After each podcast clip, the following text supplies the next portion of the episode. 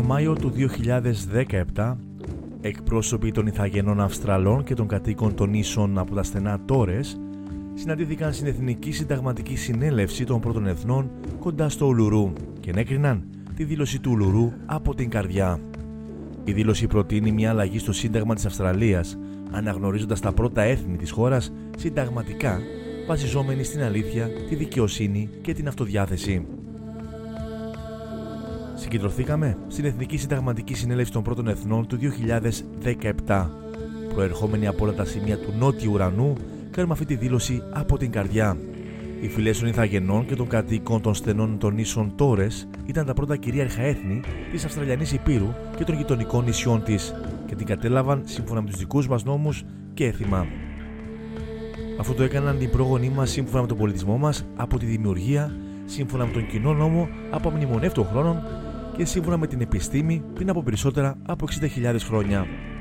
Αυτή η κυριαρχία είναι μια πνευματική αντίληψη, ο προγονικός δεσμός μεταξύ της γης ή της μητρικής φύσης και των ηθαγενών και των κατοίκων των ίσων των στενών τόρες που γεννήθηκαν από αυτές παραμένουν προσκολλημένοι σε αυτό και πρέπει κάποια μέρα να επιστρέψουν εκεί ή να ενωθούν με τους πρόγονου μας. Αυτός ο σύνδεσμος είναι η βάση της ιδιοκτησίας του εδάφους ή καλύτερα της κυριαρχίας.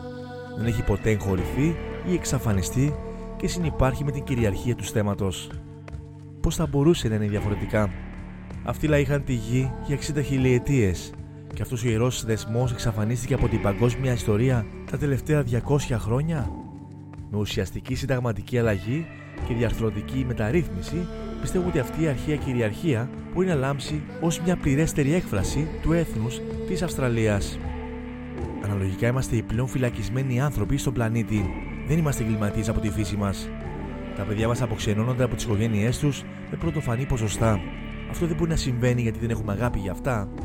Και οι νέοι μας μαραζώνουν σε φυλακές, σε τεράστιο αριθμό. Πρέπει να είναι η ελπίδα μας για το μέλλον. Το μέγεθος της κρίσης δείχνει ξεκάθαρα τη δομική φύση του προβλήματός μας. Αυτό είναι το μαρτύριο της αδυναμίας μας. Επιδιώκουμε συνταγματικές μεταρρυθμίσεις για να ενδυναμώσουμε το λαό μας και να πάρουμε μια νόμιμη θέση στην χώρα μας.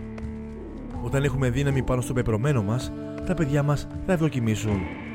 Θα περπατήσουν σε δύο κόσμους και ο πολιτισμός τους θα είναι ένα δώρο για τη χώρα τους. Ζητούμε τη δημιουργία της φωνής των πρώτων εθνών που θα κατοχυρώνεται στο Σύνταγμα. Η Μακαράτα είναι το αποκορύφωμα της ατζέντας μας. Η Ένωση μετά από έναν αγώνα. Αποτυπώνει τι φιλοδοξίε μας για μια δίκαιη και αληθινή σχέση με τον λαό της Αυστραλίας και ένα καλύτερο μέλλον για τα παιδιά μας με βάση τη δικαιοσύνη και την αυτοδιάθεση.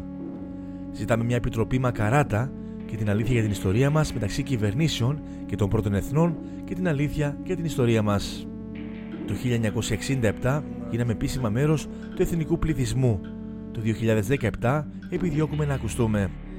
Φεύγουμε από τη βάση μας και ξεκινάμε το ταξίδι μας σε αυτή την απέραντη χώρα. Σας προσκαλούμε να περπατήσετε μαζί μας σε ένα κίνημα του λαού της Αυστραλίας για ένα καλύτερο μέλλον.